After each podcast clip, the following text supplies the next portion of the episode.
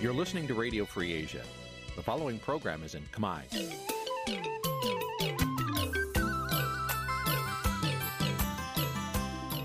នេះជាកម្មវិធីផ្សាយ Vuthu Azizi Serai នេះជាកម្មវិធីផ្សាយរបស់ Vuthu Azizi Serai ជាភាសាខ្មែរ Vuthu Azizi Serai សូមស្វាគមន៍លោកអ្នកនាងទាំងអស់ពីរដ្ឋធានី Washington នៃសហរដ្ឋអាមេរិក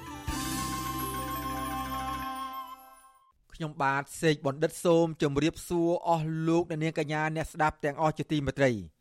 ខ្ញុំបាទសូមជូនកម្មវិធីផ្សាយសម្រាប់ព្រឹកថ្ងៃសៅរ៍5រោចខែកដិកឆ្នាំថោះបញ្ញស័កពុទ្ធសករាជ2567ត្រូវនៅថ្ងៃទី2ខែធ្នូគ្រិស្តសករាជ2023បាទជាដំបូងនេះសូមអញ្ជើញអស់លោកអ្នកនាងស្ដាប់ព័ត៌មានប្រចាំថ្ងៃដែលមានមេតិការដូចតទៅ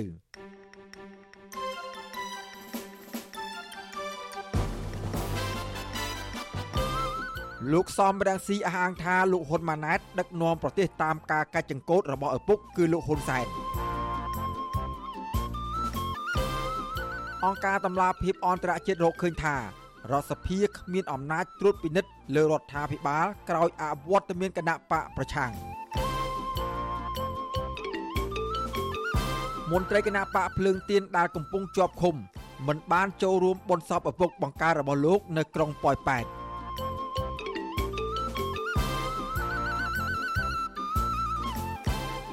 សង្គមស៊ីវិលស្នើឲ្យរដ្ឋាភិបាល បង្កើតគោលនយោបាយជួយដល់សិស្សប្រឡងជាប់បាក់ឌុបដែលមានជីវភាពខ្វះខាតឲ្យមានតម្លាភាពរួមនឹងព័ត៌មានសំខាន់សំខាន់មួយចំនួនទៀត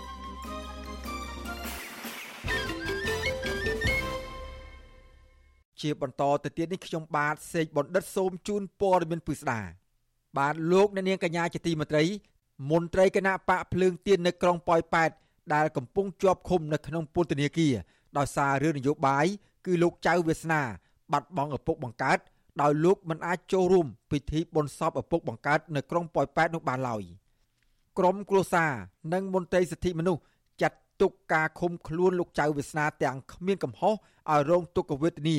បែកបាក់ក្រមគ្រួសារគឺជាការដាក់ទណ្ឌកម្មផ្លូវចិត្តមួយដ៏ឈឺចាប់ហើយស្នើដល់រដ្ឋាភិបាលឲ្យបញ្ឈប់ការធ្វើទុកបុកម្នេញតទៅទៀត បាទលោកច័ន្ទដារ៉ូរាយការណ៍អំពីរឿងនេះគ្រួសារសកម្មជននយោបាយមួយទៀតដែលកំពុងជាប់ឃុំសោកសង្រេងក្រោយពេលលោកតាសៅភូអាយុ83ឆ្នាំ ដែលជាឪពុកបង្កើតរបស់មន្ត្រីគណៈបកភ្លើងទៀនប្រចាំក្រុងប៉ោយប៉ែតគឺលោកចៅវាសនានោះបានស្លាប់ដោយសារជំងឺប្រចាំកាយនៅព្រឹកថ្ងៃទី1ខែធ្នូដោយមិនបានជួបមុខកូនប្រុសជាលើកចុងក្រោយ។ ចៅសង្កាត់រងទី2នៃសង្កាត់ប៉ោយប៉ែតដែលត្រូវជាកូនបង្កើតរបស់លោកចៅវាសនា គឺអ្នកស្រីចៅរតនៈប្រវត្តិអាស៊ីសេរីថា អ្នកស្រីឈឺចាប់ដែលឪពុកមិនទាន់ដង្ហើមចុងក្រោយរបស់អ្នកមានគុណខណៈគាត់ជាអ្នកតស៊ូលះបង់ដើម្បីយុត្តិធម៌សង្គមនិងប្រជាធិបតេយ្យត្រូវជាប់ពន្ធនាគារដោយអយុត្តិធម៌អ្នកស្រីរៀបរាប់ទាំងទឹកភ្នែកថាអ្វីដែលគ្រួសារខ្លោចចិត្តបំផុតនោះ គឺលោកតារបស់អ្នកស្រី ដង្ហើយរកលោកចៅវាសនាឲ្យត្រឡប់ទៅផ្ទះវិញជាច្រើនសប្តាហ៍មុនពេលគាត់ស្លាប់ តើគាត់ក៏ដួលប៉ុណ្ណាតែគាត់មិនអាចលាឪពុកគាត់ទាំងខ្លួនគាត់អាចមានអាយុជីវិតនៅឡើយទេប៉ុន្តែមិនអាចមកក្រាបថ្វាយគុំលាបានតើគាត់ក៏ដួលប៉ុណ្ណាខ្លោចចិត្តប៉ុណ្ណាហើយចាប់បើគាត់ដឹងព័ត៌មាននេះអារម្មណ៍គាត់បែបម៉េចចាខ្ញុំគ្រាន់តែឮសូរថាមានចឹងភ្លាមខ្ញុំខ្ញុំគិតទៅដល់ឪពុកខ្ញុំមុនគេទីមួយសម្ពាធផ្លូវចិត្តទីមួយខ្លួនមិនអាចបានមានឱកាសជាលើកចុងក្រោយមកជួបឪពុកព្រោះអត់មានថ្ងៃវិលវិញទេលាគ្នារហូតហើយ អ្នកស្រីចៅរតនៈឲ្យដឹងថាមកដល់ពេលនេះឪពុកអ្នកស្រីកំពុងជាប់ឃុំក្នុងពន្ធនាគារព្រៃសរមិនទាន់ទទួលដំណឹងដល់ក្រៀមក្រំនេះនៅឡើយទេអ្នកស្រីស្នើដល់តុលាការនិងមន្ត្រីពន្ធនាគារអនុញ្ញាតឲ្យលោកចៅវាសនាបានជូនដំណើរឪពុកជាលើកចុងក្រោយដើម្បីបង្ហាញកតញ្ញូតាធម៌របស់កូនចំពោះឪពុក ជាពិសេសដោះលែងលោកឲ្យមានសេរីភាពមកជួបជុំគ្រួសារនៅថ្ងៃសវនាការនៅតុលាការខេត្តបន្ទាយមានជ័យនៅសប្តាហ៍ក្រោយនេះគួរតែយល់ពីទុកសោកគ្រួសារខ្ញុំផងចាឲ្យប៉ាខ្ញុំមានសេរីភាពវិញទៅ ចាប៉ាខ្ញុំមិនមានទោសអក្រិតអីដែលអាចដូចថាមិនលើកលែងអំសំបីតែនៅក្រៅឃុំមិនឲ្យនៅផងហើយចាឥឡូវនេះតាខ្ញុំត្រូវបានផុតទៀតប៉ាខ្ញុំក៏អត់បានមកអុជធូបជាលើកចុងក្រោយទេ ឆ្លើយតបរឿងនេះអ្នកនាំពាក្យអគ្គនាយកដ្ឋានពន្ធនាគារលោកនុតសាវណ្ណាប្រាប់វិទ្យុអស៊ីសេរីថាពន្ធនាគារពុំមានគោលការណ៍អនុញ្ញាតឲ្យជនជាប់ឃុំទៅចូលរួមបន់សពសាច់ញាតិនោះទេប៉ុន្តែលោកបញ្ជាក់ថាករណីនេះគ្រួសារអាចដាក់លិខិតស្នើទៅតុលាការនិងថ្នាក់ដឹកនាំក្រសួងមហាផ្ទៃបាន ដើម្បីជួយសម្របសម្រួលដោះស្រាយយើងដឹងថាបញ្ហាទុកទរៈគ្រួសារនេះវាសំខាន់ ប៉ុន្តែវាក៏ពិបាកសម្រាប់មន្ត្រីខ្ញុំមិនមែនថាយើងមិនយោគយល់ទេប៉ុន្តែសូមនិយាយការពិតដែរថាការឆ្កោកចេញទៅក្រៅវាពាក់ព័ន្ធនឹងការងារសន្តិសុខនេះវាមិនស្រួលប្រហែលទេវិទ្យុអាស៊ីស្រីមិនអាចតាក់ទងแนะនាំពាក្យនឹងជាបរិយាអាញាអមសាលាដំបងខេត្តបន្ទាយមានជ័យលោកសម្រិទ្ធសុខុននិងអ្នកនាំពាក្យក្រសួងមហាផ្ទៃលោកខៀវសុភ័ក្រដើម្បីបកស្រាយបន្ថែមជុំវិញរឿងនេះបានទេនៅថ្ងៃទី1ខែធ្នូនេះ ទោះជាយ៉ាងណា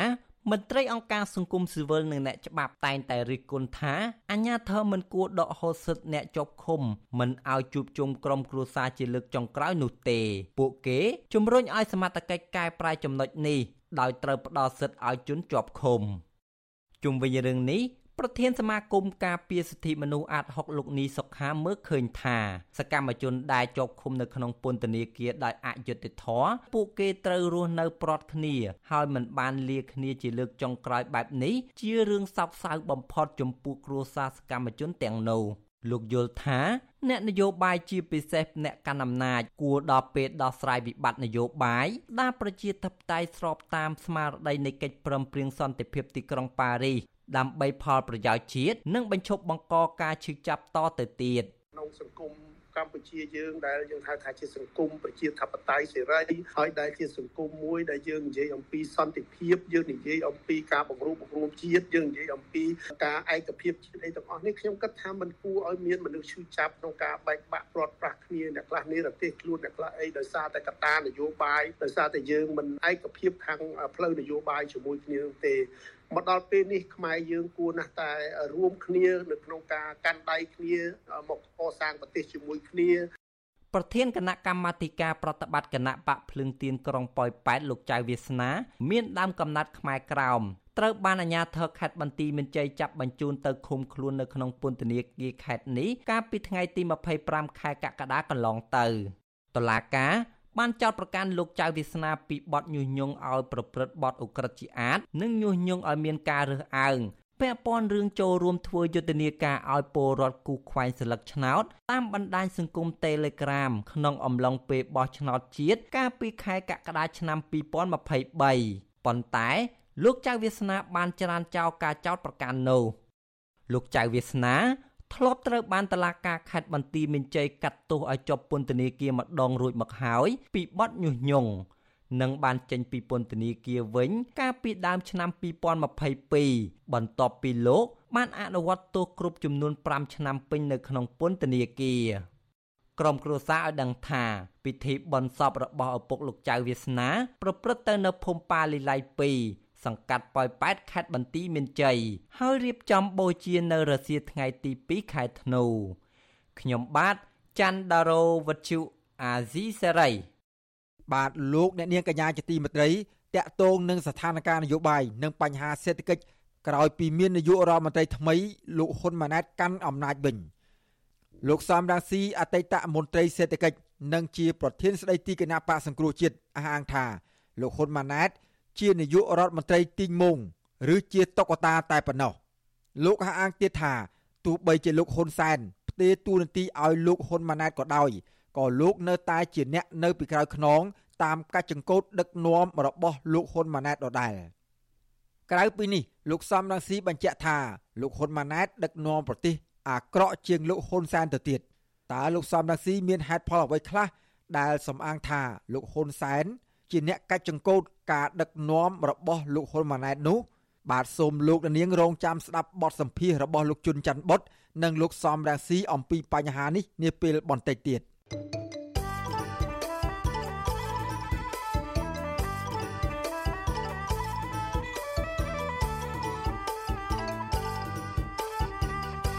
បាទលោកអ្នកនាងកញ្ញាជាទីមេត្រីមន្ត្រីអង្គការសង្គមស៊ីវិល ថាជំនួយរបស់មន្ត្រីជាន់ខ្ពស់រដ្ឋាភិបាលឬអ្នកមានធនធាន ទៅដល់សិស្សដែលប្រឡងជាប់បាក់ឌុបនិងមានជីវភាពខ្វះខាត គួរតែធ្វើឡើងប្រកបដោយតម្លាភាព សមធម៌និងនិរន្តរភាពពួកគាត់លើកទឹកចិត្តឲ្យរដ្ឋាភិបាល បង្កើតគោលនយោបាយជាក់លាក់ច្បាស់លាស់ណាមួយ សម្រាប់ឧបត្ថម្ភដល់សិស្សក្រីក្រទាំងអស់ឲ្យរៀនចប់ចុងចប់ដើម ជាជាងការជួយតែទៅលើបុគ្គលដែលទទួលបានការចាប់អារម្មណ៍ពីមហាជន នៅលើបណ្ដាញសង្គម Facebook នោះ បាទពីរដ្ឋធានី Washington លោកយ៉ងច័ន្ទដារារាយការណ៍អំពីរឿងនេះប្រធានសមាគមសម្ព័ន្ធនិស្សិតបញ្ញវន្តខ្មែរលោកកើតសារាយប្រាប់វិទ្យុអាស៊ីសេរីនៅថ្ងៃទី1ខែធ្នូថាលោកត្រេកអរចំពោះការប្រកាសជួយឧបត្ថម្ភដល់សិស្សានុសិស្សប៉ុន្មានរូបក្នុងរយៈពេលប៉ុន្មានថ្ងៃមកនេះ ក៏ប៉ុន្តែលោកបន្តថាវិធីបែបនេះមិនមែនជាដំណោះស្រាយយូរអង្វែងសម្រាប់ជួយដល់សិស្សដែលរៀនពូកែឲ្យមានឱកាសបន្តការសិក្សានោះឡើយ។ ការដែលទៅគិតគូររៀបចំគោលនយោបាយរៀបចំយន្តការឲ្យមានមូលនិធិជាលក្ខណៈសមធម៌ថ្នាក់ជាតិមួយដែលផ្ដោតទៅលើការជួយសង្គ្រោះសម្រាប់សិស្សដែលងាយនឹងរងគ្រោះអីជាដើមនេះទើបជារឿងដែលសំខាន់ជាជាងការបង្ហាញពីអរិយាប័ត្រឬក៏លក្ខណៈទូនាទីឬក៏វិធីជាលក្ខណៈឯកជននេះវាក៏ជាការបង្ហាញអំពីការជួយសង្គ្រោះបែបមួយពេលតែมันអាចធ្វើឲ្យភាពក្រីក្រភាពអត់ឃ្លានឬក៏ជនរងគ្រោះជាច្រើនទៀតដែលកំពុងរងគ្រោះនឹងទទួលបានដូចគ្នាទេ ការលើកឡើងរបស់មន្ត្រីអង្គការសង្គមស៊ីវិលនេះគឺបន្ទាប់ពីប្រធានក្រុមឧត្តមក្រុមប្រឹក្សាផ្ទាល់ព្រះមហាក្សត្រគឺលោកហ៊ុនសែនកាលពីថ្ងៃទី29វិច្ឆិកាបានប្រកាសជួយដល់សិស្សប្រុសនិទេសអេម្នាក់មកពីខេត្តកំពត ដែលមានឪពុកម្ដាយជាជនពិការឲ្យរូបគេបានចូលរៀនជំនាញវិស្វករនិងផ្ដល់ការស្នាក់នៅនៅទីបញ្ជាការដ្ឋានអង្គរៈរបស់លោកហ៊ីងប៊ុនហៀងលើពីនេះលោកហ៊ុនសែនបានប្រកាសសាងសង់លំនៅឋានថ្មី ជួយចេញលុយសងបំណុល ព្រមទាំងឧបត្ថម្ភប្រាក់ប្រចាំខែចំនួន1លានរៀលទៅដល់គ្រួសារយុវជនរូបនេះផងដែរទោះជាយ៉ាងណានៅមានសិស្សពូកែនិងសិស្សក្រីក្រជាច្រើនអ្នកទៀតកំពុងប្រឈមការបោះបង់ចោលការសិក្សាដោយសារតែជីវភាពក៏ប៉ុន្តែត្រូវបានលោកហ៊ុនសែននិងសប្បុរសជនមួយចំនួនមើលរំលងវិទ្យុអាស៊ីសេរីមិនអាចតាក់ទងแนะនាំពាក្យក្រសួងអប់រំយុវជននិងកីឡាអ្នកស្រីខុនវិជ្ជការនិងแนะនាំពាក្យរដ្ឋាភិបាលលោកប៉ែនបូណា ដើម្បីសុំការបកស្រាយអំពីរឿងនេះបាននៅឡើយទេ នៅថ្ងៃទី1ខែធ្នូដោយទូរស័ព្ទហៅចូល តែពុំមានអ្នកទទួលជុំវិញរឿងនេះនាយកប្រតិបត្តិអង្គការសមត្ថៈលោកអៀងវុធី មានប្រសាសន៍ថាការជួយឧបត្ថម្ភនិងទំនុកបំរុងរបស់ថ្នាក់ដឹកនាំដល់សិស្សក្រីក្រគឺជារឿងល្អក៏ប៉ុន្តែការជួយរបៀបនេះមានទម្រង់ជាលក្ខណៈបុគ្គលប៉ុណ្ណោះនឹងមិនអាចចាត់ទុកជាការទទួលខុសត្រូវរបស់រដ្ឋាភិបាលឡើយលោកយល់ថារដ្ឋាភិបាល គួរដាក់ចេញនូវគោលនយោបាយជាក់លាក់ដើម្បីជួយដល់សិស្សក្រីក្រទូទាំងប្រទេសចាប់ពីកម្រិតបឋមដើម្បីធានាបាននូវការអប់រំដោយស្មារតីគ្នានិងទប់ស្កាត់អត្រាសិស្សបោះបង់ចោលការសិក្សាអ្វីយើងចង់ឃើញគឺថាកុំអោយជំនួយទាំងអស់ហ្នឹងវាទៅជាបញ្ហាទៅវិញដោយយើងលើកពីខាងដើមថាហេតុអីបានជាតែមួយក្រុមទទួលបានហើយអ្នកផ្សេងទៀតមិនទទួលបានបើសិនជាបែបនេះវាអាចជាអតិពលទៅដល់សាធារណជនអាចថាមានការ ផ្ដាល់តែមួយក្រុមអញ្ចឹងទៅនេះមិនមែនជាលើកទី1ទេដែលអតីតនាយករដ្ឋមន្ត្រីហ៊ុនសែនតាំងខ្លួនជាមេដឹកនាំចិត្តល្អធ្វើអំពើសប្បុរសជាលក្ខណៈបុគ្គលដើម្បីទាញយកប្រជាប្រិយភាពពីបរដ្ឋដោយមិនឆ្លុះបញ្ចាំងពីការទទួលខុសត្រូវជារួម ជាក់ស្ដែងកាលពីឆ្នាំ2021លោកបានធ្វើអំណោយដល់គ្រួសារសិស្សក្រីក្រម្នាក់ដែលល្បីលើបណ្ដាញសង្គមស្ថិតនៅក្នុងស្រុកបន្ទាយស្រីខេត្តសៀមរាបខណៈដែលគ្រួសាររបស់សិស្សជាច្រើនអ្នកទៀតកំពុងរស់នៅក្នុងស្ថានភាពខ្វះខាតដូចគ្នានេះដែរ មន្ត្រីសង្គមស៊ីវិលស្នើដល់រដ្ឋាភិបាល បង្កើតគោលនយោបាយជួយដល់សិស្សក្រីក្រជារួមជាជាងការប្រកាសជួយតែបុគ្គលដែលទទួលបានការចាប់អារម្មណ៍លើបណ្ដាញសង្គមដែលប្រៀបបានទៅនឹងការជួយយកមុខដើម្បីប្រជាប្រិយភាពខ្លួនឯងតែប៉ុណ្ណោះខ្ញុំយ៉ងច័ន្ទដារាវិទ្យុអាស៊ីសេរី Washington បាទលោកអ្នកនាងកញ្ញាជាទីមេត្រី លោកនាយករដ្ឋមន្ត្រីហ៊ុនម៉ាណែតបានចេញសេចក្តីសម្រេចមួយស្តីពីការបង្កើតក្រុមការងារចម្រុះទទួលនិងដោះស្រាយបណ្ដឹងគ្រប់មុខសញ្ញា នៅភូមិគ្រឹះរបស់ឪពុកលោក ក្នុងក្រុងតាខ្មៅខេត្តកណ្ដាលសេចក្តីសម្រេចបញ្ជាក់ថាក្រុមការងារនេះមានភារកិច្ចទប់ស្កាត់រាល់ការញុះញង់ពីក្រុមឆ្លៀតឱកាសដែលកេងចំណេញមកលើក្រុមអ្នកតវ៉ាមន្ត្រីសិទ្ធិមនុស្សថាបង្កើតក្រុមការងារនេះមិនមែនជាសញ្ញាល្អសម្រាប់ពលរដ្ឋ មានបញ្ហានោះឡើយតែជាការបង្ហាញពីអសមត្ថភាពរបស់អាជ្ញាធរថ្នាក់ក្រោមជាតិដែលមិនអាចដោះស្រាយឲ្យប្រជាពលរដ្ឋបានលោកហ៊ុនម៉ាណែតចាត់តាំងអគ្គមេបញ្ជាការរងកងយុទ្ធពលខេមរៈភូមិន្ទនិងជានាយករងខុទ្ទកាល័យនាយករដ្ឋមន្ត្រីគឺលោកហ៊ីងប៊ុនហៀងជាប្រធានក្រុមការងារចម្រុះទទួលបន្ទុកនិងដោះស្រាយបណ្ដឹងគ្រប់មុខសញ្ញា នៅភូមិគ្រឹះរបស់លោក ក្រៅពីនេះក៏មានអនុប្រធាន4រូបទៀត និងមន្ត្រីពាក់ព័ន្ធចំនួន20នាក់ផ្សេងទៀតជាសមាជិកសេចក្តីសម្រេចចុះថ្ងៃទី27ខែកញ្ញា តែទើបនឹងផ្សព្វផ្សាយនៅថ្ងៃទី1ខែធ្នូឲ្យដឹងថាក្រុមការងារនេះ មានភារកិច្ចទប់ស្កាត់រាល់ការញុះញង់ពីក្រុមឆ្លៀតឱកាស ដែលកេងចំណេញមកលើក្រុមអ្នកតវ៉ាក្រុមការងារនេះសហការជាមួយអាជ្ញាធរពាក់ព័ន្ធគ្រប់ជាន់ថ្នាក់ទាំងអស់ដើម្បីទប់ស្កាត់ក្រុមអ្នកតវ៉ា ដែលមានមនុស្សជាច្រើនអ្នកក្នុងបំណងមកដាក់ពាក្យបណ្ដឹងតវ៉ាផ្សេងផ្សេងជូនលោកហ៊ុនម៉ាណែត និងភរិយាដោយព្យាយាមពន្យល់អំពីនីតិវិធីជូនដល់ក្រុមអ្នកតវ៉ាសេចក្តីសម្រេចដដែលឲ្យដឹងទៀតថា បន្ទាប់ពីទទួលពាក្យបណ្ដឹងតវ៉ាផ្សេងផ្សេងនៅមុខភូមិគ្រឹះលោកហ៊ុនម៉ាណែត នៅរាជធានីភ្នំពេញ និងនៅខេត្តកណ្ដាលត្រូវបញ្ជូនទៅមន្ត្រីជំនាញពាក់ព័ន្ធ ឬធ្វើរបាយការណ៍ស្នើសុំគោលការណ៍ដឹកនាំឬពិនិត្យសម្រេចពីលោកហ៊ុនម៉ាណែតទោះយ៉ាងណាប្រធានអង្គការសម្ព័ន្ធភាពការពារសិទ្ធិមនុស្សកម្ពុជាហៅកាត់ថាច្រាក់លោករស់សុថាយល់ថា នេះមិនមែនជាដំណឹងដែលគួរឲ្យអបអរឡើយតែនេះជាបញ្ហាបង្ហាញថាអាញាធរថ្នាក់ក្រោមជាតិដោះស្រាយនិងបំពេញការងាររបស់ខ្លួនមិនបានពេញលេញទើបពលរដ្ឋ តែងតែមកស្វែងរកដំណោះស្រាយជាមួយនឹងអាជ្ញាធរថ្នាក់ជាតិវិញទោះយ៉ាងណាលោកថាប្រសិនបើក្រុមការងារនេះមានឆន្ទៈដោះស្រាយបញ្ហាជូនពលរដ្ឋនិងទទួលបានប្រសិទ្ធភាព តែបើគ្មានឆន្ទៈទេក្រុមការងារនេះក៏មិនខុសពីក្រុមការងារមុនមុនដែរគឺមិនបានដោះស្រាយទុកកង្វល់របស់ប្រជាពលរដ្ឋបាននោះឡើយ។ មានន័យថាយន្តការថ្នាក់ក្រោមជាតិហ្នឹងគឺថាអត់ដំណើរការវាមិនមែនជាដំណឹងដែលគួរឲ្យរីករាយអបអរសាទរទេតែជាអ្វីដែលថ្នាក់ដឹកនាំកម្ពុជាត្រូវយកបញ្ហានេះមកដោះស្រាយធ្វើការកែតម្រង់ដើម្បីឲ្យវាមានរូបភាពមួយដែលថារចនាសម្ព័ន្ធរដ្ឋគ្រប់ទាំងអស់គ្រប់ឋានានុក្រមទាំងអស់មានភារកិច្ចដោះស្រាយទៅតាមកម្រិតនៃបញ្ហាចំណែកអ្នកសិក្សាផ្នែកច្បាប់លោកវ៉ុនចាន់ឡូតសង្កេតឃើញថាកន្លងមកនាយករដ្ឋមន្ត្រី មានខុទ្ទកាល័យដោះស្រាយបញ្ហាជូនពលរដ្ឋរួចទៅហើយហើយនៅពេលបង្កើតក្រុមការងារនេះបន្ថែមទៀតហាក់ធ្វើឲ្យក្រុមការងារទាំងនេះធ្វើការត្រួតលើគ្នា លោកយល់ថារដ្ឋាភិបាលគួរប្រើគណៈរដ្ឋមន្ត្រី ដែលជាកន្លែងរបស់រដ្ឋាភិបាលឬស្ថាប័នផ្សេងទៀតមកដោះស្រាយបញ្ហាជូនដល់ពលរដ្ឋជាជាងយកផ្ទះរបស់នាយករដ្ឋមន្ត្រីធ្វើជាកន្លែងដោះស្រាយបញ្ហារបស់ពលរដ្ឋ មានតែឈ្មោះថាក្រុមការងារចម្រុះដោះស្រាយទទួលពាក្យបណ្ដឹងអីតែជាក់ស្ដែងជាក្រុមការងារទប់ស្កាត់ទៅវិញទេអ្នករងគ្រោះដីធ្លីឡើងមកច្រើនច្រើនរយអ្នកច្រើនពាន់អ្នកថាឡើងមកបែបហ្នឹងគឺថាក្រុមចម្រុះហ្នឹងនឹងចាត់វិធានការទប់ស្កាត់មិនឲ្យមកអញ្ចឹងឯទី1ទី2រឿងវិស័យអចលនទ្រព្យអ្នកដែលទិញហើយអីហើយអត់ទទួលបានដីផ្ទះអីហ្នឹងក៏នឹងមានចំនួនកាន់តែច្រើនឡើងច្រើនឡើងហើយបើថាមកតវ៉ាច្រើនក្រុមចម្រុះហ្នឹងនឹងចេញចំណាត់ការទប់ស្កាត់ហើយជុំវិញរឿងនេះ វិទ្យុអាស៊ីសេរីនៅពុំទាន់អាចសុំការអធិប្បាយបន្ថែម ពីប្រធានក្រុមការងារចម្រុះនេះគឺលោកហ៊ីងប៊ុនហៀងបាននៅឡើយទេ នៅថ្ងៃទី1ខែធ្នូចំណែកប្រធានអង្គភិបអ្នកណែនាំពាក្យរដ្ឋាភិបាលលោកប៉ែនបូណាក៏មិនទាន់អាចសុំការបោះស្រាយបានដែរ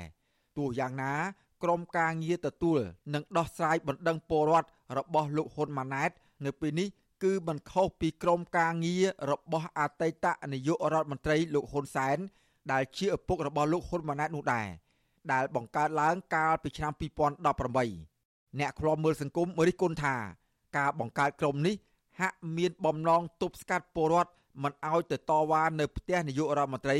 ជាជាងជួយដោះស្រាយបញ្ហាជូនដល់ពលរដ្ឋ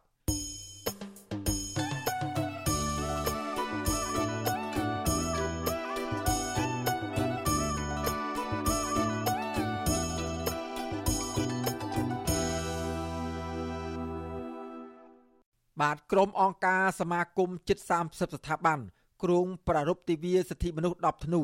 ដើម្បីជំរុញឲ្យរដ្ឋាភិបាលគោរពសិទ្ធិមនុស្សនិងធានាការពារដល់ពលរដ្ឋដែលអនុវត្តសិទ្ធិស្របច្បាប់ពួកគាត់យល់ឃើញថាការរំលោភសិទ្ធិមនុស្សជាប្រព័ន្ធលើសកម្មជនសង្គមនិងនយោបាយនៅតែបន្តកើតមានជាបន្តបន្ទាប់បាទពីរដ្ឋធានី Washington លោកយ៉ងច័ន្ទរាមានសេចក្តីរាយការណ៍ដាច់ដライមួយទៀតជុំវិញព័ត៌មាននេះក្រុមអង្គការសមាគមជាតិ30ស្ថាប័នក្រុងប្រារព្ធទិវាសិទ្ធិមនុស្សក្រោមប្រធានបទការធានាសេចក្តីថ្លៃថ្នូរសេរីភាពនិងយុត្តិធម៌ដល់ពលរដ្ឋគ្រប់រូបដែលផ្ដោតសំខាន់ទៅលើពលរដ្ឋរងគ្រោះដោយសារតែការរំលោភសិទ្ធិមនុស្សសិទ្ធិការងារនិងសិទ្ធិនយោបាយប្រធានអង្គការសម្ព័ន្ធភាពការពារសិទ្ធិមនុស្សកម្ពុជា ហៅកាត់ថាច្រាក់ លោករស់សុថាប្រាប់វិទ្យុអាស៊ីសេរីនៅថ្ងៃទី1ខែធ្នូថាគោលបំណងនៃការប្រារព្ធកម្មវិធីនេះគឺដើម្បីជំរុញឲ្យរដ្ឋាភិបាលយកចិត្តទុកដាក់អនុវត្តច្បាប់កុំឲ្យមានការរំលោភសិទ្ធិមនុស្សកាន់តែធ្ងន់ធ្ងរនៅកម្ពុជា លោកបន្តថាការអនុវត្តច្បាប់គ្មានដំណាភាពបានធ្វើឲ្យប្រជាពលរដ្ឋជាច្រើនអ្នករងការគំរាមកំហែងនិងការធ្វើទុកបុកម្នេញតាមប្រព័ន្ធតុលាការជាដើម ដែលបញ្ហានេះរដ្ឋាភិបាលត្រូវតែមានវិធានការជាក់លាក់ដើម្បីដោះស្រាយនិងធានាដល់ការរស់នៅរបស់ប្រជាពលរដ្ឋ បើយើងក៏លេចមកបញ្ហាសិទ្ធិមនុស្សជាសកលគេមានបទដ្ឋានរបស់គេត្រឹមត្រូវដែលមានគណៈកម្មការឯករាជ្យដែលអង្គការសហជីវជាតិហ្នឹងហើយអញ្ចឹងគណៈកម្មការទាំងនោះសិទ្ធិជាអ្នកឯករាជ្យមិនទទួលបាននូវផលកម្រៃពីស្ថាប័នណាទេដូច្នេះហើយរាល់មតិយោបល់ទាំងអស់ដែលលើកឡើងរបស់អ្នកជំនាញការស្ទើរតែជាព័ត៌មានដែលឯករាជ្យទាំងអស់ដូច្នេះស្ថាប័នរដ្ឋាភិបាលត្រូវឆ្លើយជាមួយនឹងការសហជីពហ្នឹងទៅព្រោះយើងសង្គមស៊ីវិលនឹងអាចនិយាយទៅវាជាតែចេះទឹកដាក់គ្នាអញ្ចឹងណា ការរំលឹកខួបលើកទី75នៃទិវាសិទ្ធិមនុស្ស10ធ្នូខាងមុខនេះក្រុមអង្គការសង្គមស៊ីវិលក្រុងរៀបចំកម្មវិធីមួយចំនួន ដូចជា ការធ្វើធម្មយាត្រាផ្សព្វផ្សាយអំពីសិទ្ធិមនុស្សនិងសិល5ចេញពីខេត្តសៀមរាបមកកាន់រាជធានីភ្នំពេញដោយចាប់ផ្ដើមពីថ្ងៃទី6ដល់ថ្ងៃទី10ខែធ្នូ។ ដោយឡែកកម្មវិធីមួយទៀតគឺការដង្ហែក្បួនពីរដ្ឋសភាឆ្ពោះទៅទីលានប្រជាធិបតេយ្យនៅព្រឹកថ្ងៃទី10ខែធ្នូ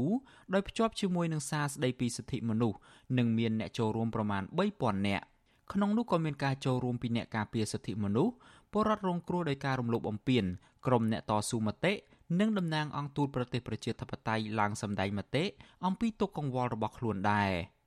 ក្រុមអង្គការសមាគមទាំងនោះរួមមាន អង្គការសមត្ថៈកម្ពុជា សមាគមសម្ព័ន្ធនិស្សិតបញ្ញវន្តខ្មែរសហភាពការងារកម្ពុជា និងអង្គការសង្ត្រាល់ព្រមទាំងស្ថាប័នផ្សេងផ្សេងមួយចំនួនទៀត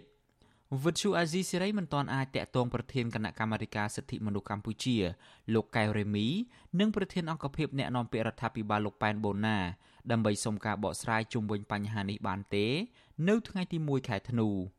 ប្រធានសមាគមសម្ព័ន្ធនិស្សិតបញ្ញវន្តខ្មែរលោកកើតសារាយយល់ឃើញថាកម្ពុជានៅពុំទាន់មានការបើកលំហសិទ្ធិសេរីភាពឲ្យពលរដ្ឋបានចូលរួមអនុវត្តពេញលេញនោះទេផ្ទុយទៅវិញ មានការចាប់ចង និងគំរាមកំហែងនៅពេលពលរដ្ឋអនុវត្តសិទ្ធិរបស់ខ្លួនលោកថាកត្តាទាំងអស់នេះហើយដែលធ្វើឲ្យសហភាពអឺរ៉ុបដកប្រព័ន្ធអនុគ្រោះពន្ធ EBA ចំនួន20%ពីកម្ពុជា។ មកដល់ពេលនេះយើងបានធ្វើការកត់សម្គាល់ថាកម្ពុជាហើយយើងពិតជាបានធ្វើឲ្យធ្លាក់ចុះនៅសេរីភាពនៃការបញ្ចេញមតិសិទ្ធិមនុស្សជាពិសេសលទ្ធិជាធិបតេយ្យតែម្ដងនេះហើយជាការពិតដែលរដ្ឋាភិបាលកម្ពុជាមិនអាចប្រកែកបានហើយខ្ញុំជឿជាក់ថារដ្ឋាភិបាលកម្ពុជាខ្លួនឯងក៏ដឹងយ៉ាងច្បាស់ដែរថាខ្លួនកំពុងធ្វើអីកំពុងដើរទៅណាកាលពីថ្ងៃទី21វិច្ឆិកាគណៈកម្មការអឺរ៉ុបបានចេញរបាយការណ៍បញ្ជាក់ជាថ្មីថាកម្ពុជាត្រូវតែបង្ហាញឲ្យឃើញពីការពិត និងគួរឲ្យជឿជាក់បានដើម្បីកែលម្អឡើងវិញជុំវិញក្តីកង្វល់ដែលបានលើកឡើងដោយសហភាពអឺរ៉ុបដើម្បីទទួលបានប្រព័ន្ធអនុគ្រោះពន្ធ EBA ពេញលេញឡើងវិញ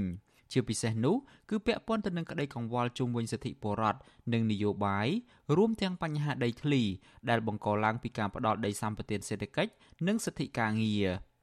ខ្ញុំយ៉ងច័ន្ទដារាវិទ្យុអាស៊ីសេរី Washington បាទលោកអ្នកនាងកញ្ញាជាទីមេត្រីពាក់ព័ន្ធនឹងបញ្ហាបរិស្ថាននៅដងទន្លេមេគង្គឯនោះវិញប្រជាសហគមន៍ដែលរស់នៅតាមដងទន្លេមេគង្គនៅតែព្រួយបារម្ភពីគម្រោងសាងសង់ទំនប់វារីអគ្គិសនីជាច្រើនតំបន់ផ្សេងទៀតតាមដៃទន្លេមេគង្គនៃតំបន់ទន្លេ3ក្នុងខេត្តស្ទឹងត្រែងខេត្តរតនគិរី និងខេត្តក្រចេះបើទោះបីជារដ្ឋាភិបាលប្រកាសមិនសាងសង់ទំនប់វារីអគ្គិសនី នៅទួលទន្លេមេគង្គធំយ៉ាងណាក្តី បាទពីរដ្ឋធានីវ៉ាស៊ីនតោនលោកទីនសាការីយ៉ារាយការណ៍អំពីរឿងនេះមន្ត្រីសង្គមស៊ីវិលនិងប្រជាពលរដ្ឋរស់នៅតាមដងទន្លេមេគង្គក្នុងខេត្តស្ទឹងត្រែងចាត់ទុកការសន្យារបស់រដ្ឋាភិបាលដែលសម្រេចថាមិនសាងសង់ទំនប់វារីអគ្គិសនីតាមដងទន្លេមេគង្គនៅមិនទាន់គ្រប់គ្រាន់ឡើយទេស្របពេលដែលរដ្ឋាភិបាលឡាវនិងចិននៅតែសាងសង់ទំនប់វារីអគ្គិសនីតាមទន្លេមេគង្គជាបន្តបន្ទាប់ដោយមិនខ្វល់ពីការរិះគន់ និងផលប៉ះពាល់បរិស្ថានឆ្លងដែនដល់ប្រទេសកម្ពុជាដល់ឡៃនោះប្រជាសហគមន៍នេសាទរត់តាមដងទន្លេមេគង្គក្នុងក្រុងស្ទឹងត្រែងលោកលីសុចិត្រាប្រាំវិទ្យុអសិរ័យថារដ្ឋាភិបាលកម្ពុជាគួរតែស្នើឲ្យរដ្ឋាភិបាលឡាវនិងចិនបញ្ឈប់គម្រោងសាងសង់ទំនប់វារីអគ្គិសនីនៅទន្លេមេគង្គផ្នែកខាងលើដើម្បីសុវត្ថិភាពបរិស្ថាន និងជីវភាពរស់នៅរបស់ប្រជាពលរដ្ឋលោកសង្កេតឃើញថាធនធានត្រីទឹកសាបថយចុះជាបន្តបន្ទាប់ ហើយរបបទឹកក៏ប្រែប្រួលខុសប្រក្រតីដែរក្រោយពីសាងសង់ទំនប់វារីអគ្គិសនីនៅទន្លេមេគង្គក្នុងប្រទេសឡាវនិងប្រទេសចិនកន្លងទៅ។ រួមគ្នាបើអ្នកឯងសាងសង់ខាងលើគួរតែគិតពីការផលប៉ះពាល់ដល់ប្រទេសជិតខាងអញ្ចឹងណាព្រោះនៅតែមានសាងសង់លើទន្លេមេខាងលើលើប្រទេសផ្សេងផ្សេងយើងក៏មិនសប្បាយចិត្តដែរព្រោះនឹងវាជាប្រភពមួយទី1ហូរនៃរបបទឹកវាតាក់ទងប្រស័យគ្នាអញ្ចឹងណាខ្ញុំមិនគួរតែប្រមុខរដ្ឋាភិបាលចរចាណាមួយដែលតាមរយៈគណៈកម្មការទន្លេមេគង្គយើងឲ្យគាត់ដោះស្រាយកុំឲ្យគាត់មានការសាងសង់អញ្ចឹងប្រជាសហគមន៍រូបនេះបន្ថែមថាបើសិនជាគណៈកម្មការទន្លេមេគង្គកម្ពុជា និងរដ្ឋាភិបាលមិនរកមធ្យោបាយអន្តរាគមន៍ទៅភាគីឡាវ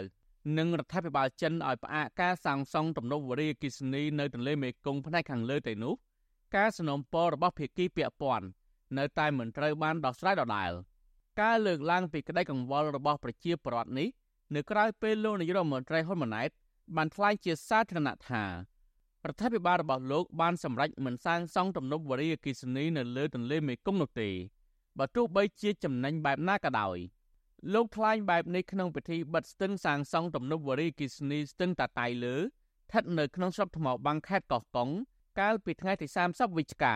បាទមិនកសាងអភិវឌ្ឍវិរិយអគិសនីណានៅតាមបណ្ដោយទន្លេមេគង្គនោះទេពួកវាប៉ះពាល់ច្រើនចឹងយើងគិតណាស់ភ្លើងយើងត្រូវការដើម្បីឲ្យរីកចម្រើនយើងរកមើលកន្លែងណាដែលមិនមានការប៉ះប៉ះពាល់វិទ្យុអសិរ័យមិនអាចតកតងអគ្គលេខាធិការគណៈកម្មការទន្លេមេគង្គកម្ពុជាលោកកែនអាវុធ ដើម្បីសំសួរអំពីបញ្ហានេះបាននៅឡើយទេនៅថ្ងៃទី1ធ្នូជុំវិញនឹងរឿងនេះនាយកប្រតិបត្តិអង្គការបណ្ដាញការពារទន្លេ3លោកលៀងវុនលៀបព្រួយបារម្ភថាតំបន់ទន្លេ3ក្នុងដៃទន្លេមេគង្គរួមមានទន្លេសេកុងទន្លេសេសាន និងទន្លេស្រែពកស្ថិតនៅក្នុងខេត្តស្ទឹងត្រែងនិងខេត្តរតនគិរី គឺជាតំបន់ដែលរដ្ឋាភិបាលគ្រោងនឹងសាងសង់ទំនប់វារីអគ្គិសនីបន្ថែមទៀតបន្ទាប់ពីសាងសង់ទំនប់សេសានក្រោម2រួចរាល់។ លោកស្នើដល់រដ្ឋាភិបាលបញ្ឈប់គម្រោងសាងសង់ទំនប់វារីអគ្គិសនីនៅតំបន់នោះជាបន្ទាន់ ដែលយើងប្រមូលតល័យកទាំងអង្គយកទៅជូនរដ្ឋាភិបាលចិនដើម្បីឲ្យលោកមានការដឹងអំពីផលប៉ះពាល់ទាំងឡាយដែលកើតមកបណ្ដុំបណ្ដុំទំនប់ទាំងអស់នៅលើទូទលេហ្នឹងមានទាំងឡាវផងមានទាំងចិនខ្លួនឯងនឹងផងខាងក្រោមលោកឆ្លើយទៅខាងលើអាខាងលើឆ្លើយមកខាងឡាវខាងក្រោមដែលធ្វើឲ្យយើងដែលអត់បានធ្វើទំនប់នេះឯងរងផលប៉ះពាល់ធ្ងន់ពីការដែលប្រទេសទាំងអស់ដែលនៅខាងលើខាងក្រោមលោកមិនបានទៅជែកគ្នាដោះស្រាយគ្នាឲ្យមានយុត្តិធម៌ របាយការណ៍របស់ស្ថាប័នត្រួតពិនិត្យទន្លេមេគង្គកត់ត្រាថាពេលនេះមានទំនប់វារីអគ្គិសនីតាមដងទន្លេមេគង្គចំនួន440ដែលខាងនោះមាន11ស្ថិតនៅក្នុងប្រទេសចិនដែលសង់តាមបណ្ដោយទន្លេមេគង្គទាំងមូលទន្លេមេគង្គមានប្រវែងជាង4000គីឡូម៉ែត្រឆ្លងកាត់ប្រទេសចំនួន6រួមមានកម្ពុជាឡាវវៀតណាមថៃចិននិងប្រទេសភូមានិងជាប្រភពអាហារចម្បងឬបន្តបន្សំ សម្រាប់មនុស្សជាង60លាននាក់នៅក្នុងតំបន់ខ្ញុំបាទទីនសាការីយ៉ាអស៊ីសេរី ប្រធានាធិបតី Washington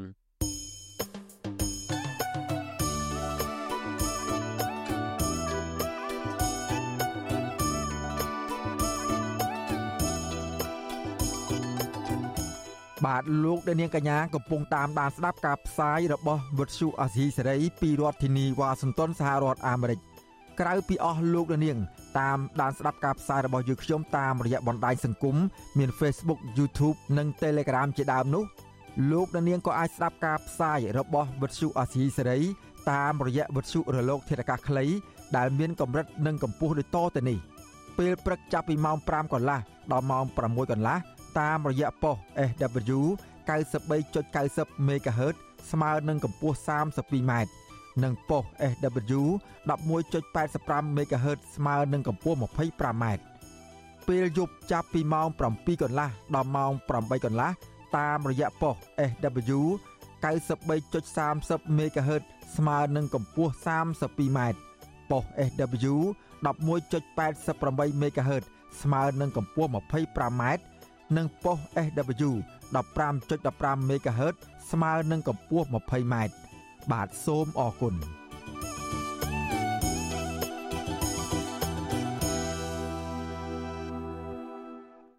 បាទលោកនាងកញ្ញាជាទីមេត្រីឯកអគ្គរដ្ឋទូតនៃសហរដ្ឋអាមេរិកប្រចាំនៅកម្ពុជាលោក Patrick Murphy បានថ្លែងថាសហរដ្ឋអាមេរិកនៅតែបន្តធ្វើជាដៃគូដ៏សំខាន់ក្នុងកិច្ចសហប្រតិបត្តិការផ្នែកវប្បធម៌កេរដំណើរការអភិរក្សការជួសជុលនិងកិច្ចការពារលើប្រាសាទបុរាណនានានៅក្នុងប្រទេសកម្ពុជា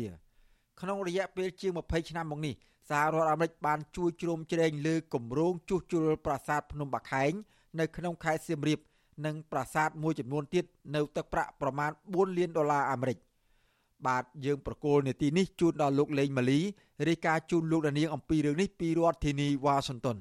ស្ថានទូតអាមេរិកប្រចាំកម្ពុជាជាមួយនឹងអង្គការ World Monument Fund បានចុះហត្ថលេខាលើកិច្ចព្រមព្រៀងផ្ដល់មូលនិធិឯកអគ្គរដ្ឋទូត នៅទឹកប្រាក់ប្រមាណ45ម៉ឺនដុល្លារដើម្បីយកទៅប្រើប្រាស់សម្រាប់ការអភិរក្សវប្បធម៌និងគម្រោងសម្រាប់ជួសជុលប្រាសាទភ្នំបាខែងក្នុងដំណាក់កាលទី7នៅឆ្នាំ2023ឯកអគ្គរដ្ឋទូតសហរដ្ឋអាមេរិកប្រចាំកម្ពុជា លោក Patrick Murphy មានប្រសាសន៍កាលពីព្រឹកថ្ងៃសុក្រទី1ធ្នូបន្ទាប់ពីបញ្ចប់ពិធីចុះហត្ថលេខាលើកិច្ចព្រមព្រៀងផ្ដល់មូលនិធិឯកអគ្គរដ្ឋទូតនោះថានោះគឺជាជំនួយដ៏សំខាន់ពីមូលនិធិ ស្ថានទូតសម្រាប់ការអភិរក្សវប្បធម៌នៅក្នុងតំបន់អាស៊ីប៉ាស៊ីហ្វិកក្នុងឆ្នាំ2023នេះគឺជាជំនួយសម្រាប់និរន្តរភាពវប្បធម៌ការអភិរក្សនិងការការពារប្រាសាទបុរាណនៅគ្រប់ទីកន្លែងនៃប្រទេសកម្ពុជាលោកឯកអគ្គរដ្ឋទូតសហរដ្ឋអាមេរិកមានប្រសាសន៍ទៀតថាសហរដ្ឋអាមេរិកបានគ្រប់គ្រងគម្រោងជួសជុលប្រាសាទភ្នំបាខែងរយៈពេល20ឆ្នាំមកហើយលើការជួសជុលប្រាសាទការអភិរក្សថ្ម ការជួសជុលប្រព័ន្ធបង្ហូរទឹកបុរាណនិងការរៀបចំជញ្ជាំងនៃប្រាសាទភ្នំបាខែងឲ្យប្រសើរឡើងវិញ។ Well, we're going to continue to be great partners of Cambodia with cultural heritage. ស្ថានទូតអាមេរិកនៅតែបន្តការគ្រប់គ្រងចំពោះការអភិរក្សក៏ដូចជាការកសាងជួសជុលប្រាសាទហើយយើងក៏បានជួយស្ថាបនាក្នុងការជួសជុលប្រាសាទព្រះវិហារមួយចំណែកផងដែរហើយយើងមានកិច្ចព្រមព្រៀងការយោយោគ្នានៅក្នុងការនាំត្រឡប់មកវិញនៅរូបចម្លាក់មកកាន់ប្រទេសកម្ពុជាវិញពីព្រោះរូបចម្លាក់ទាំងអស់នេះវាគឺជាបេះដូងជាដួងព្រលឹងរបស់ប្រទេសកម្ពុជា of the Kingdom of Cambodia and it's a great source of pride for us ប្រាសាទភ្នំបាខែងត្រូវបានកសាងឡើងតាំងពីឆ្នាំ907នៃគ្រិស្តសករាជក្នុងរជ្ជកាលព្រះបាទយសោវរ្ម័នទី1ប្រាសាទនេះស្ថិតនៅចំពីលើកំពូលភ្នំធម្មជាតិមួយ ដែលមានទីតាំងនៅចំកណ្ដាលទីក្រុងយសោថាបុរៈស្ថិតនៅចន្លោះប្រាសាទអង្គរវត្តនិងក្រុងអង្គរធំដោយសារតែអាយុកាលច្រើនរយឆ្នាំសំណង់របស់ប្រាសាទនេះបានទ្រុឌទ្រោមជាច្រើនកន្លែងរដ្ឋមន្ត្រីក្រសួងវប្បធម៌និងវិចិត្រសិល្បៈអ្នកស្រីភឿងសក្កណា មានប្រសាសន៍ថាជាច្រើនឆ្នាំមកហើយសហរដ្ឋអាមេរិកបានធ្វើសហប្រតិបត្តិការលើផ្នែកវប្បធម៌ជាមួយកម្ពុជា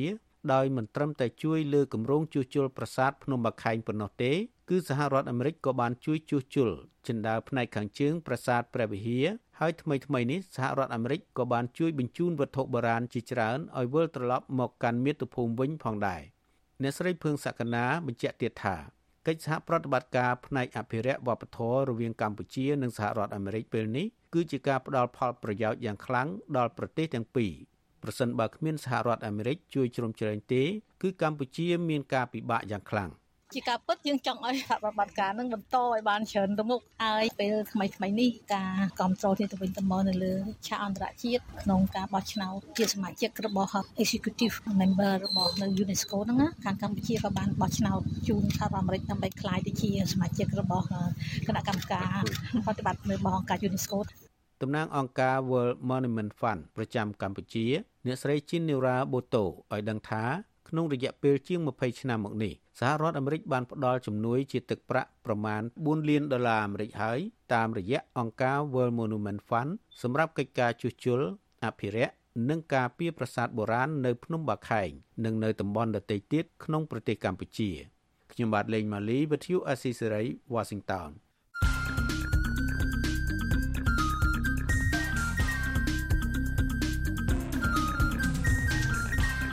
បទសំភារ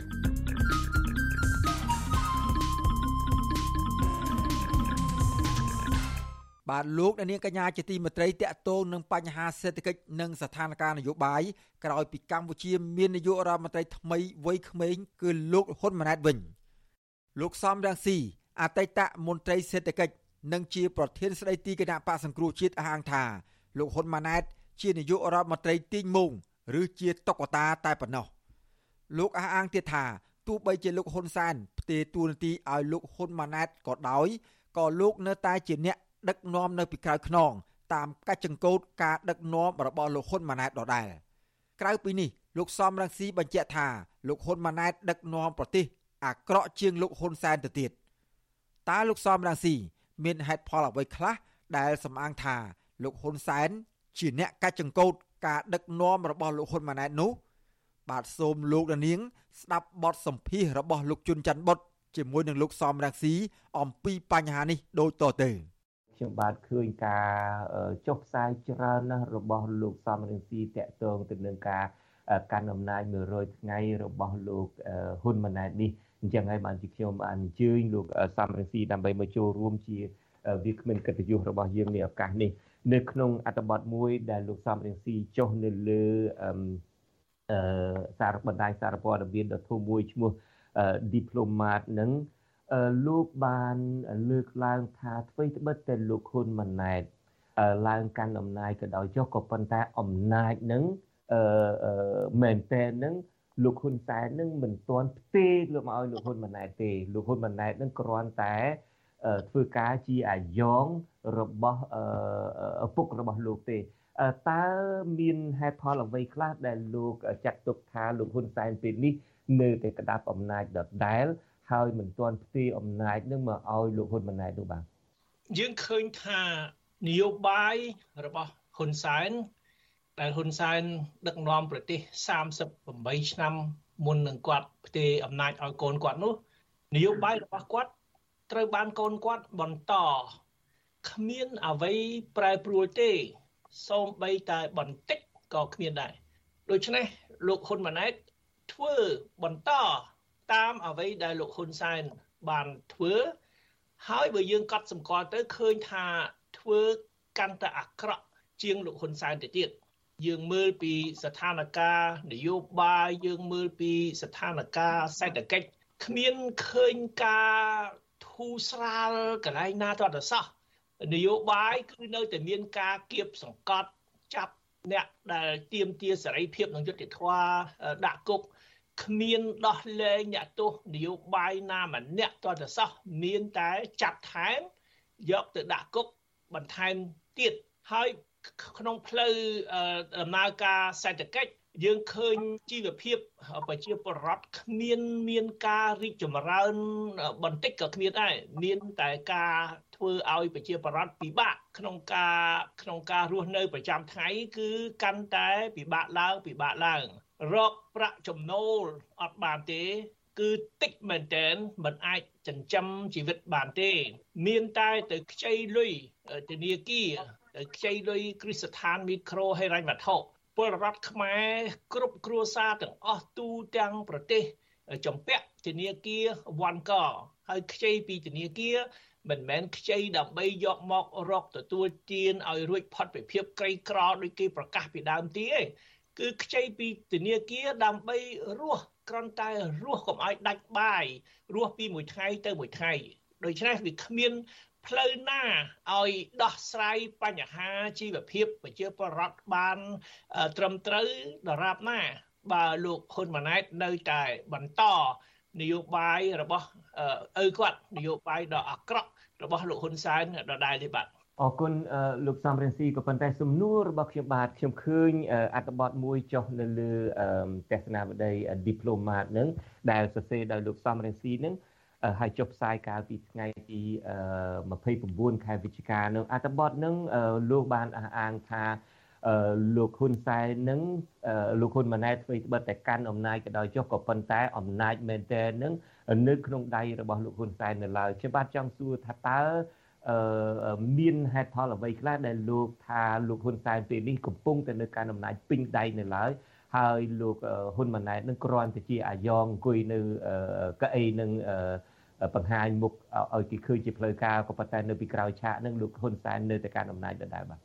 ឧទាហរណ៍មួយដែលបង្ហាញថា លោកហ៊ុនសែននៅតែកាច់ចង្កូតដដែលក្នុងវិស័យសេដ្ឋកិច្ចហិរញ្ញវត្ថុពន្ធដារហ្នឹងយើងឃើញថាលោកហ៊ុនសែនគាត់បានចេញមុខគាត់បានប្រាប់លោកហ៊ុនម៉ាណែតហើយប្រាប់ទៅរដ្ឋាភិបាលក្រោយនេះថាត្រូវធ្វើអញ្ចេះធ្វើអញ្ចោះរឿងពន្ធដារមិនត្រូវដំឡើងឬមួយក៏មិនត្រូវបង្កើតពន្ធថ្មីអីទេ ដូច្នេះគាត់នៅតែធ្វើប្រជាពិធដដែលពីក្រោយឆាកគឺក្រោយវាំងននគាត់នៅតែទាញខ្សែឲ្យកូនគាត់ហ៊ុនម៉ាណែតនឹងញាក់តាមអ្វីដែលគាត់បញ្ជាពីក្រោយខ្នងគឺគាត់បន្តនយោបាយរបស់គាត់នយោបាយទាំងនយោទាំងនយោបាយបង្ក្រាប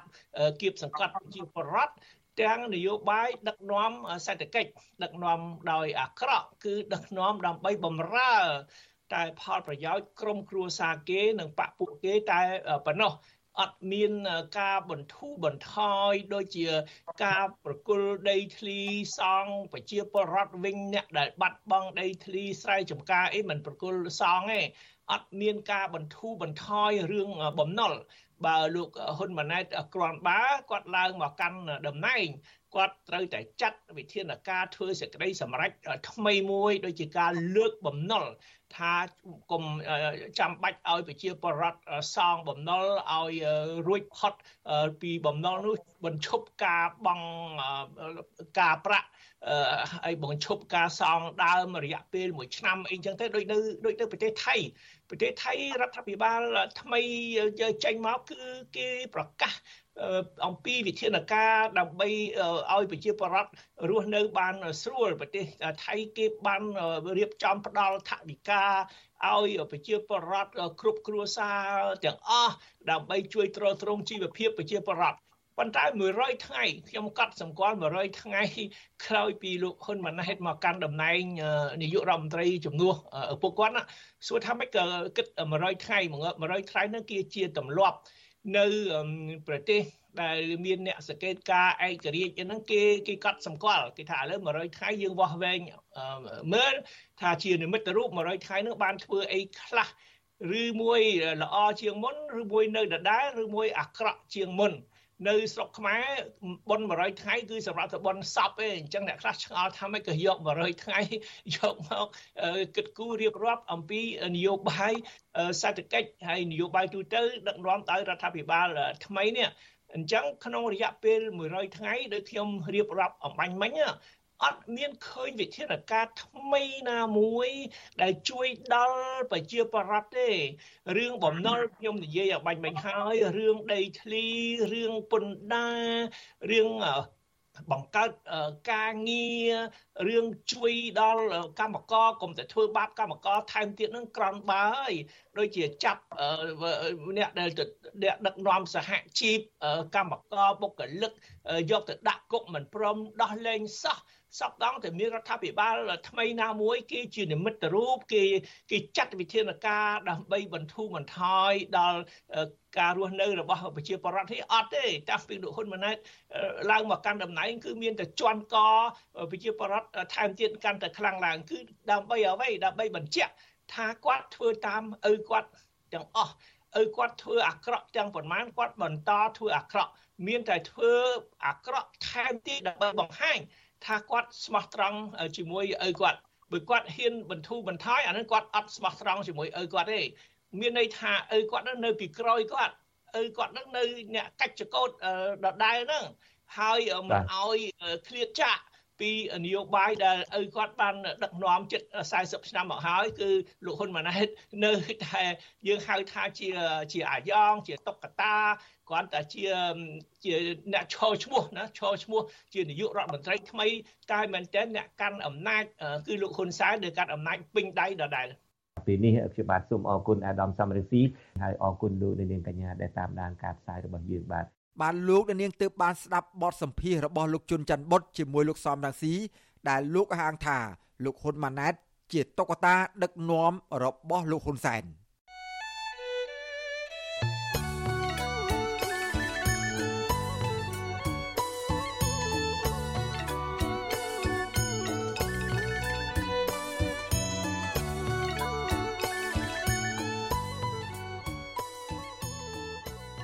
បាទលោកអ្នកនាងកញ្ញាជាទីមេត្រីយើងបានទទួលសំណូមពរពីអ្នកស្ដាប់និងទស្សនារបស់យើងជាច្រើនណាស់ថាកុំឲ្យដាក់ចំណងជើងផ្ទុយពីខ្លឹមសារនៃព័ត៌មានឧទាហរណ៍ដូចជា ដាក់ចំណងជើងថា Vivo ហើយលោកហ៊ុនសែនត្រូវតុលាការព្រហ្មទណ្ឌអន្តរជាតិ ICC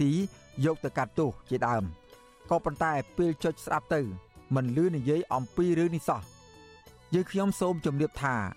ការដាក់ចំណងជើងខុសពីខ្លឹមសារទាំងនេះ គឺជាការបោកប្រាស់របស់ក្រុមអ្នករកស៊ីតាម YouTube ដើម្បីរកលុយតែប៉ុណ្ណោះពួកគេលួចយកខ្លឹមសារនៃការផ្សាយរបស់វិទ្យុអស៊ីសេរីទៅកាត់តរួចបដូរចំណងជើង តាមរបៀបប្លែកៗហួសហេតុខុសពីការពិត ក្នុងគោលបំណងតាក់ទាញចិត្តលោកនាងកញ្ញាឲ្យទៅចុចស្ដាប់ឬទស្សនាដើម្បីបាន view ឬបានអ្នកចូលទស្សនាច្រើន មានអ្នកចុចស្ដាប់កាន់តែច្រើន ពួកគេក៏កាន់តែរកប្រាក់បានច្រើនដែរអាស៊ីសេរីមិនដែលដាក់ចំណងជើងខុសពីខ្លឹមសារនោះទេលោកនាងកញ្ញាអាចចូលរួមទប់ស្កាត់ការបោកប្រាស់ទាំងនេះបាន ដោយឈប់ចុចស្ដាប់ ឬទស្សនាការផ្សាយណា ដែលដាក់ចំណងជើងខុសប្លែកគួរឲ្យសង្ស័យទាំងនេះ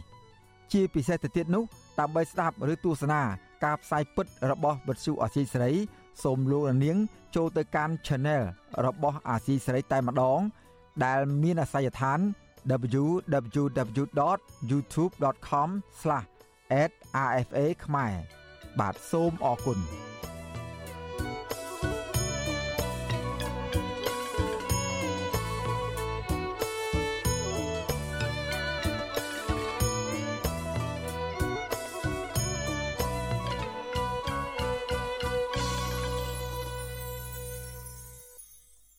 បាទលោកអ្នកនាងកញ្ញាជាទីមេត្រីតកតលនឹងខ្សែស្រឡាយមន្ត្រីជាន់ខ្ពស់ក្នុងរដ្ឋាភិបាលថ្មីនេះវិញកូនចៅចំនួនក្រោយនៃគ្រួសារថ្នាក់ដឹកនាំគណៈបកប្រជាជនកម្ពុជា បានរៀបអាពាហ៍ពិពាហ៍ជាបន្តបន្ទាប់នៅក្នុងចង្កោមគ្រួសារអ្នកដឹកនាំដូចដូចគ្នា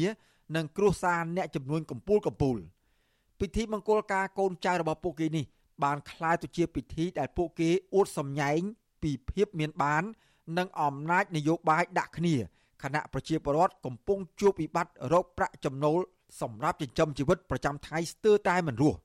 តើការសំញែងទ្រព្យសម្បត្តិនិងការចងសម្ព័ន្ធភាពគ្នា របស់ក្រមគ្រួសារអ្នកកាត់អំណាចនេះឆ្លោះបញ្ចាំងពីអ្វីខ្លះនៅក្នុងប្រទេសក្រីក្រមួយនេះបាទយើងប្រកូលនេតិនេះជូនដល់លោកថាថៃរាយការណ៍ពិស្ដារជូនអស់លោកនាងអំពីរឿងនេះដូចតទៅក្រមគ្រួសារអិសរាជជននយោបាយរបស់គណៈបកកណ្ដាលអំណាច កំពុងអួតសម្ញែងទ្រព្យសម្បត្តិដាក់គ្នាតាមរយៈការរៀបចំពិធីមង្គលការកូនចៅចំនួនក្រោយរបស់ពួកគេជាមួយគ្រូសាមន្ត្រីកណ្ដាលអំណាចនយោបាយកម្ពុជាកម្ពុជាដូចគ្នានិងជាមួយគ្រូសាអ្នកជំនួញលំដាប់កម្ពុជាកម្ពុជាក្នុងប្រទេសនេះគឺជាការចងរឹតបន្តឹងសម្ព័ន្ធភាពរបស់ពួកគេកាន់តែរឹងមាំបន្ថែមទៀតដើម្បីផ្ដល់ផលប្រយោជន៍និងការពារគ្នាទៅវិញទៅមកពិធីមង្គលការកូនប្រុសរបស់រដ្ឋមន្ត្រីក្រសួងសេដ្ឋកិច្ចនិងហិរញ្ញវត្ថុលោកអូនពាន់មនីរតឈ្មោះអូនពាន់មនីរាជ និងកូនស្រីរបស់អង្គញាឡាវវ៉ាន់រដ្ឋលេខាធិការក្រសួងសាធារណការនិងដឹកជញ្ជូនឈ្មោះឡាវជេជីនដែលត្រូវជាចៅស្រីរបស់អង្គញាឡាវមេងខិននិងអ្នកស្រីជឹងសុភីបហៅយាយភូកំពុងលេចធ្លោនៅក្នុងបណ្ដាញសង្គមលោកឡាវវ៉ាន់បានបង្ហោះវីដេអូមង្គលការកូនរបស់លោកជាបន្តបន្ទាប់អមជាមួយសារបង្ហាញពីមោទនភាពដែលបានផ្សារសាច់ផ្សារឈាមជាមួយគ្រូសាលោកអូនពាន់មនីរតដែលជាមនុស្សមានឥទ្ធិពលធំបំផុតនៅក្បែរលោកហ៊ុនសែន ពិធីមង្គលការដែលជះលុយរាប់សិបម៉ឺនដុល្លារនេះរៀបចំរយៈពេល2ថ្ងៃពីថ្ងៃទី25ដល់ថ្ងៃទី26ខែវិច្ឆិកានៅក្នុងភូមិគ្រឹះដ៏ធំស្កឹមស្កៃនិងប្រណិតព្រមទាំងរៀបចំលម្អដោយផ្កាចម្រុះពណ៌ប្រៀបដូចជាឋានសួគ៌នៅលើដីក្រុមគ្រូសាលោកហ៊ុនសែនមន្ត្រីកម្ពុជាកម្ពុជាគ្រប់ក្រសួងស្ថាប័ននិងពួកអភិជនជាច្រើនរូបសុទ្ធតែមានវត្តមាននៅក្នុងពិធីមង្គលការនេះភរិយារបស់លោកហ៊ុនម៉ាណែតគឺអ្នកស្រីពេជ្រច័ន្ទមុនីគឺជាអ្នកដឹកដៃកូនក្រមុំដោយផ្ទាល់ អ្វីដែលកាន់តែចាប់អារម្មណ៍ទៀតនោះទាំងកូនកំលោះកូនក្រមុំនិងអ្នកចូលរួមសុទ្ធតែតុបតែងខ្លួនលម្អដោយគ្រឿងអលង្ការនិងសម្លៀកបំពាក់ដែលមានតម្លៃរាប់ម៉ឺនដុល្លារគ្រាន់តែនាឡិកាដៃរបស់កូនកំលោះត្រូវបានគេដឹងថាមានតម្លៃជាង100,000ដុល្លារនាមក្រុមគ្រួសារទាំងសងខាងយើងខ្ញុំសូមគោរពជូនពរសម្ដេចអាយដាមអ្នកអង្គញាលោកទាវ លោកលោកស្រីជាកិត្តិយសដល់ដងឧត្តមគ្រប់រូបសមប្រកបនឹងសុខភាពល្អបរិបូរណ៍និងជោគជ័យក្នុងគ្រប់ភារកិច្ចសូមគោរពអរគុណ Thank you for your love Thank you for the heart ខណៈលោកអូនពាន់មនីរតកំពុងគ្រប់គ្រងក្រសួងសេដ្ឋកិច្ចនិងហិរញ្ញវត្ថុនេះភរិយារបស់លោកគឺអ្នកស្រីអឹមប៉ូលីកាគឺជាអ្នកជំនួញដ៏ជោគជ័យម្នាក់ ពួកគេបានបញ្ជូនកូនប្រុសគឺលោកអូនពាន់មនីរាជមករស់នៅនិងរៀនសូត្រក្នុងប្រទេសអូស្ត្រាលីក្នុងជីវភាពដ៏ហ៊ឺហាកាលពីឆ្នាំ2014អ្នកស្រីអឹមប៉ូលីកាបានចំណាយលុយជាង2លានដុល្លារអូស្ត្រាលីស្មើនឹងប្រមាណ1លាន5សែនដុល្លារអាមេរិកទិញអាផាតមិនមួយកន្លែងនៅក្នុងតំបន់ One Central Park នៅទីក្រុងស៊ីដនីដើម្បីឲ្យលោកអូនពាន់មនីរាជស្នាក់នៅ លើសពីនេះអ្នកស្រីក៏បង្កើតមុខចំនួនជាច្រើនស្ទើរគ្រប់វិស័យរាប់ចាប់តាំងពីភោជនីយដ្ឋានក្លឹបកំសាន្តកសិកម្មទេសចរចំណីអាហារនិងអាចចលនៈទ្រព្យជាដើមហើយមុខចំនួនមួយចំនួនមានឈ្មោះលោកអូនពាន់មនីរាជអាយុ25ឆ្នាំជាអ្នកគ្រប់គ្រងទាំងនៅកម្ពុជានិងនៅអូស្ត្រាលីប៉ុណ្ណឹងហើយមិនទាន់គ្រប់គ្រាន់ទេលោកអូនពាន់មនីរតរួមទាំងប្រពន្ធនិងកូនរបស់លោកបានដឹកដៃគ្នាទៅទិញសេចក្ដីស៊ីបស្ងាត់ស្ងាត់ហើយត្រូវបានកាសែតអន្តរជាតិចុះផ្សាយល្បីសុសសាយម្ដងហើយ កាលពីឆ្នាំ2019ពាក់ព័ន្ធនឹងបំណងរត់ចោលស្រុកសន្តិភាពនិងយកលុយមករក្សាទុកនៅក្រៅប្រទេសនៅពេលនេះលោកអូនពាន់មនីរតបានក្លាយជាដន្លងដងស្នែងជាមួយនឹងលោកឡាវវ៉ាន់ដែលជាគ្រូសាមួយមានទាំងអំណាចនយោបាយនិងគ្រប់គ្រងសេដ្ឋកិច្ចខ្មែរមួយផ្នែកធំលោកអង្ញាឡាវ៉ាន់គឺជាប្រធានក្រុមការងារគណៈបកប្រជាជនកម្ពុជាប្រចាំតំបន់មែលប៊នប្រទេសអូស្ត្រាលីនិងជារដ្ឋលេខាធិការក្រសួងសាធារណការនិងដឹកជញ្ជូនប្រពន្ធរបស់លោកគឺអ្នកស្រីជឹងសគុណធាវី ជាម្ចាស់ក្រុមហ៊ុន One Mall Limited ដែលមានបទសម្ព័ន្ធមួយគឺក្រុមហ៊ុន NVC Corporation ផលិតទឹកបរិសុទ្ធ Vital ក្រុមហ៊ុនផលិតមីជាតិភោជនីយដ្ឋាននិងសហគ្រាសឱសថនៅកម្ពុជាឪពុកម្ដាយរបស់ពួកគេគឺប្រធានក្រុមប្រឹក្សាពិបាលក្រុមហ៊ុនភៀបភីមិចសមាជិកប្រតិសភាគណៈបកកណ្ដាលអំណាចលោកឡាវមីងខិននិងអ្នកស្រីជឹងសុភីបអនុប្រធានកាកបាទក្រហមកម្ពុជានិងជាដៃគូជំនួញរបស់អ្នកស្រីប៊ុនរ៉ានីដែលមានគេឈ្មោះអាស្រូវរឿងបំផ្លាញធនធានធម្មជាតិ និងបណ្ដេញអ្នកក្រយកដីដូចជានៅតំបន់បង្កក់ជាដើមលោកឡាវមីងខិននិងអ្នកស្រីជឹងសុភីបក៏បានចំណាយលុយទិញសញ្ជាតិស៊ីបដែរលោកឡាវវ៉ាន់មិនត្រឹមតែពង្រីកឥទ្ធិពលនយោបាយឲ្យបកកណ្ដាលអំណាចនៅប្រទេសអូស្ត្រាលីប៉ុណ្ណោះទេលោកនិងភរិយាក៏កំពុងពង្រីកមុខចំនួនដែរកាលពីឆ្នាំ2015អ្នកស្រីជឹងសុគន្ធធាវីបានទិញផ្ទះល្វែងប្រណិតឬអាផាតមិននៅជាន់ទី24ក្នុងប្លុកអគារខ្ពស់ខ្ពស់ក្នុងតម្លៃ4លានដុល្លារអូស្ត្រាលីឬប្រហែលជិត3លានដុល្លារអាមេរិក បន្ទាប់មកប្តីប្រពន្ធមួយគូនេះបានបង្កើតអាជីវកម្មនៅប្រទេសអូស្ត្រាលីចំនួន2កន្លែងរួមមានហាងនំ Melbourne ដែលបានបើកដំណើរការតាំងពីខែធ្នូឆ្នាំ2019មកដោយមានកូនស្រីឈ្មោះឡាវជីជីនជាអ្នកគ្រប់គ្រង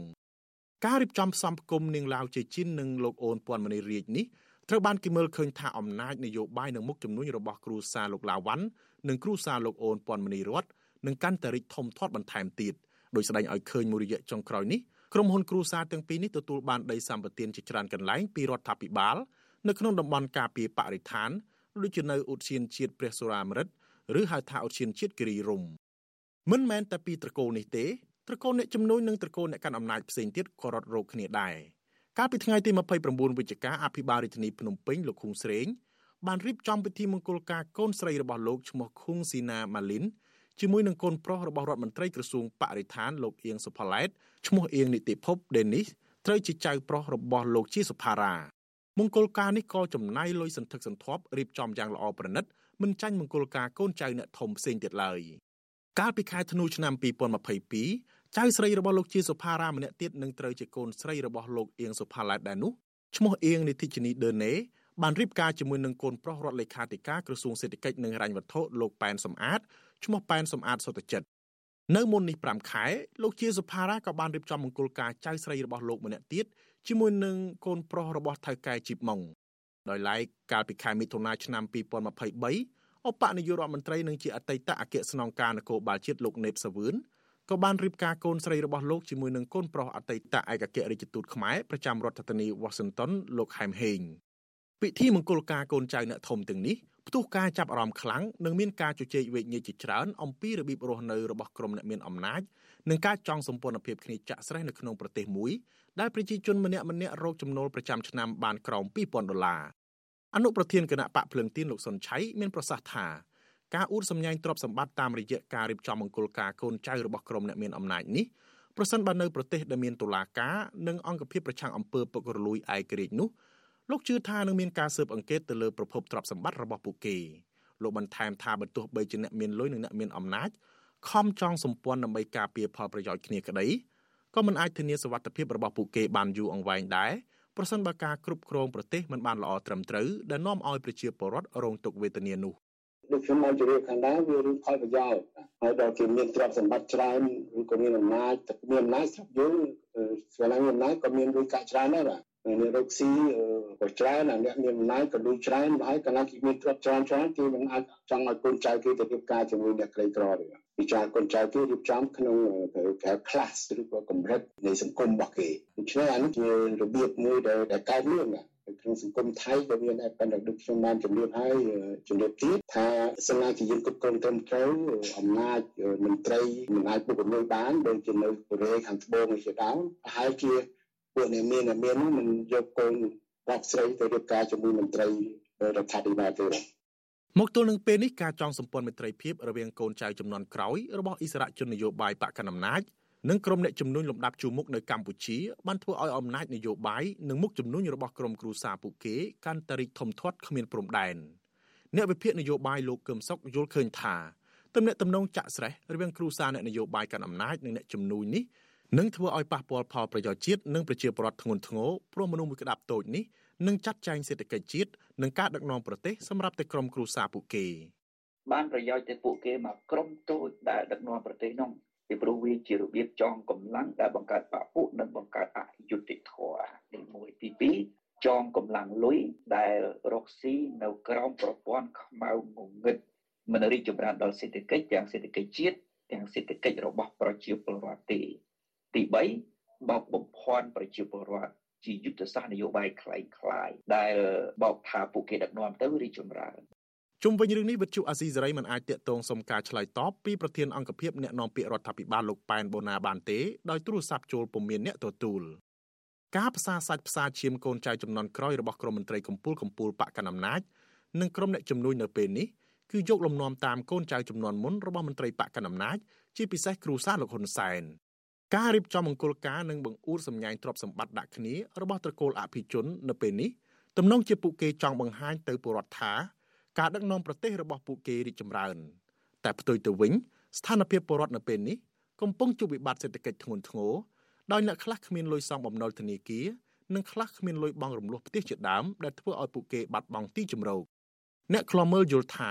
មានតែក្រុមមេដឹកនាំផ្ដាច់ការនឹងពុករលួយនៅក្នុងប្រទេសក្រីក្រប៉ុណ្ណោះ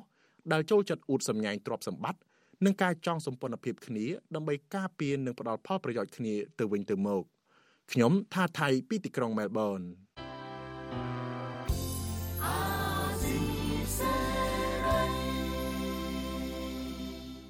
បាទលោកអ្នកនាងកញ្ញាជាទីមេត្រីការផ្សាយរយៈពេល1ម៉ោងរបស់វិទ្យុអស៊ីសេរីសម្រាប់ព្រឹកនេះចប់តែប៉ុណ្ណេះកម្មវិធីយើងនឹងវិលមកជួបអស់លោកអ្នកនាងសាជាថ្មីម្ដងទៀតនៅយប់នេះ គឺចាប់ពីម៉ោង7កន្លះដល់ម៉ោង8កន្លះនៅយប់នេះជាថ្មីម្ដងទៀត។បាទយើងខ្ញុំសូមជូនពរដល់អស់លោកនាងឲ្យជួបប្រកបតែនឹងសេចក្តីសុខចម្រើនរុងរឿងកំបីគ្លៀងគ្លាឡើយខ្ញុំបាទសេកបណ្ឌិតព្រមទាំងក្រុមការងារទាំងអស់របស់វិទ្យុអាស៊ីសេរីសូមអរគុណនិងសូមជម្រាបលា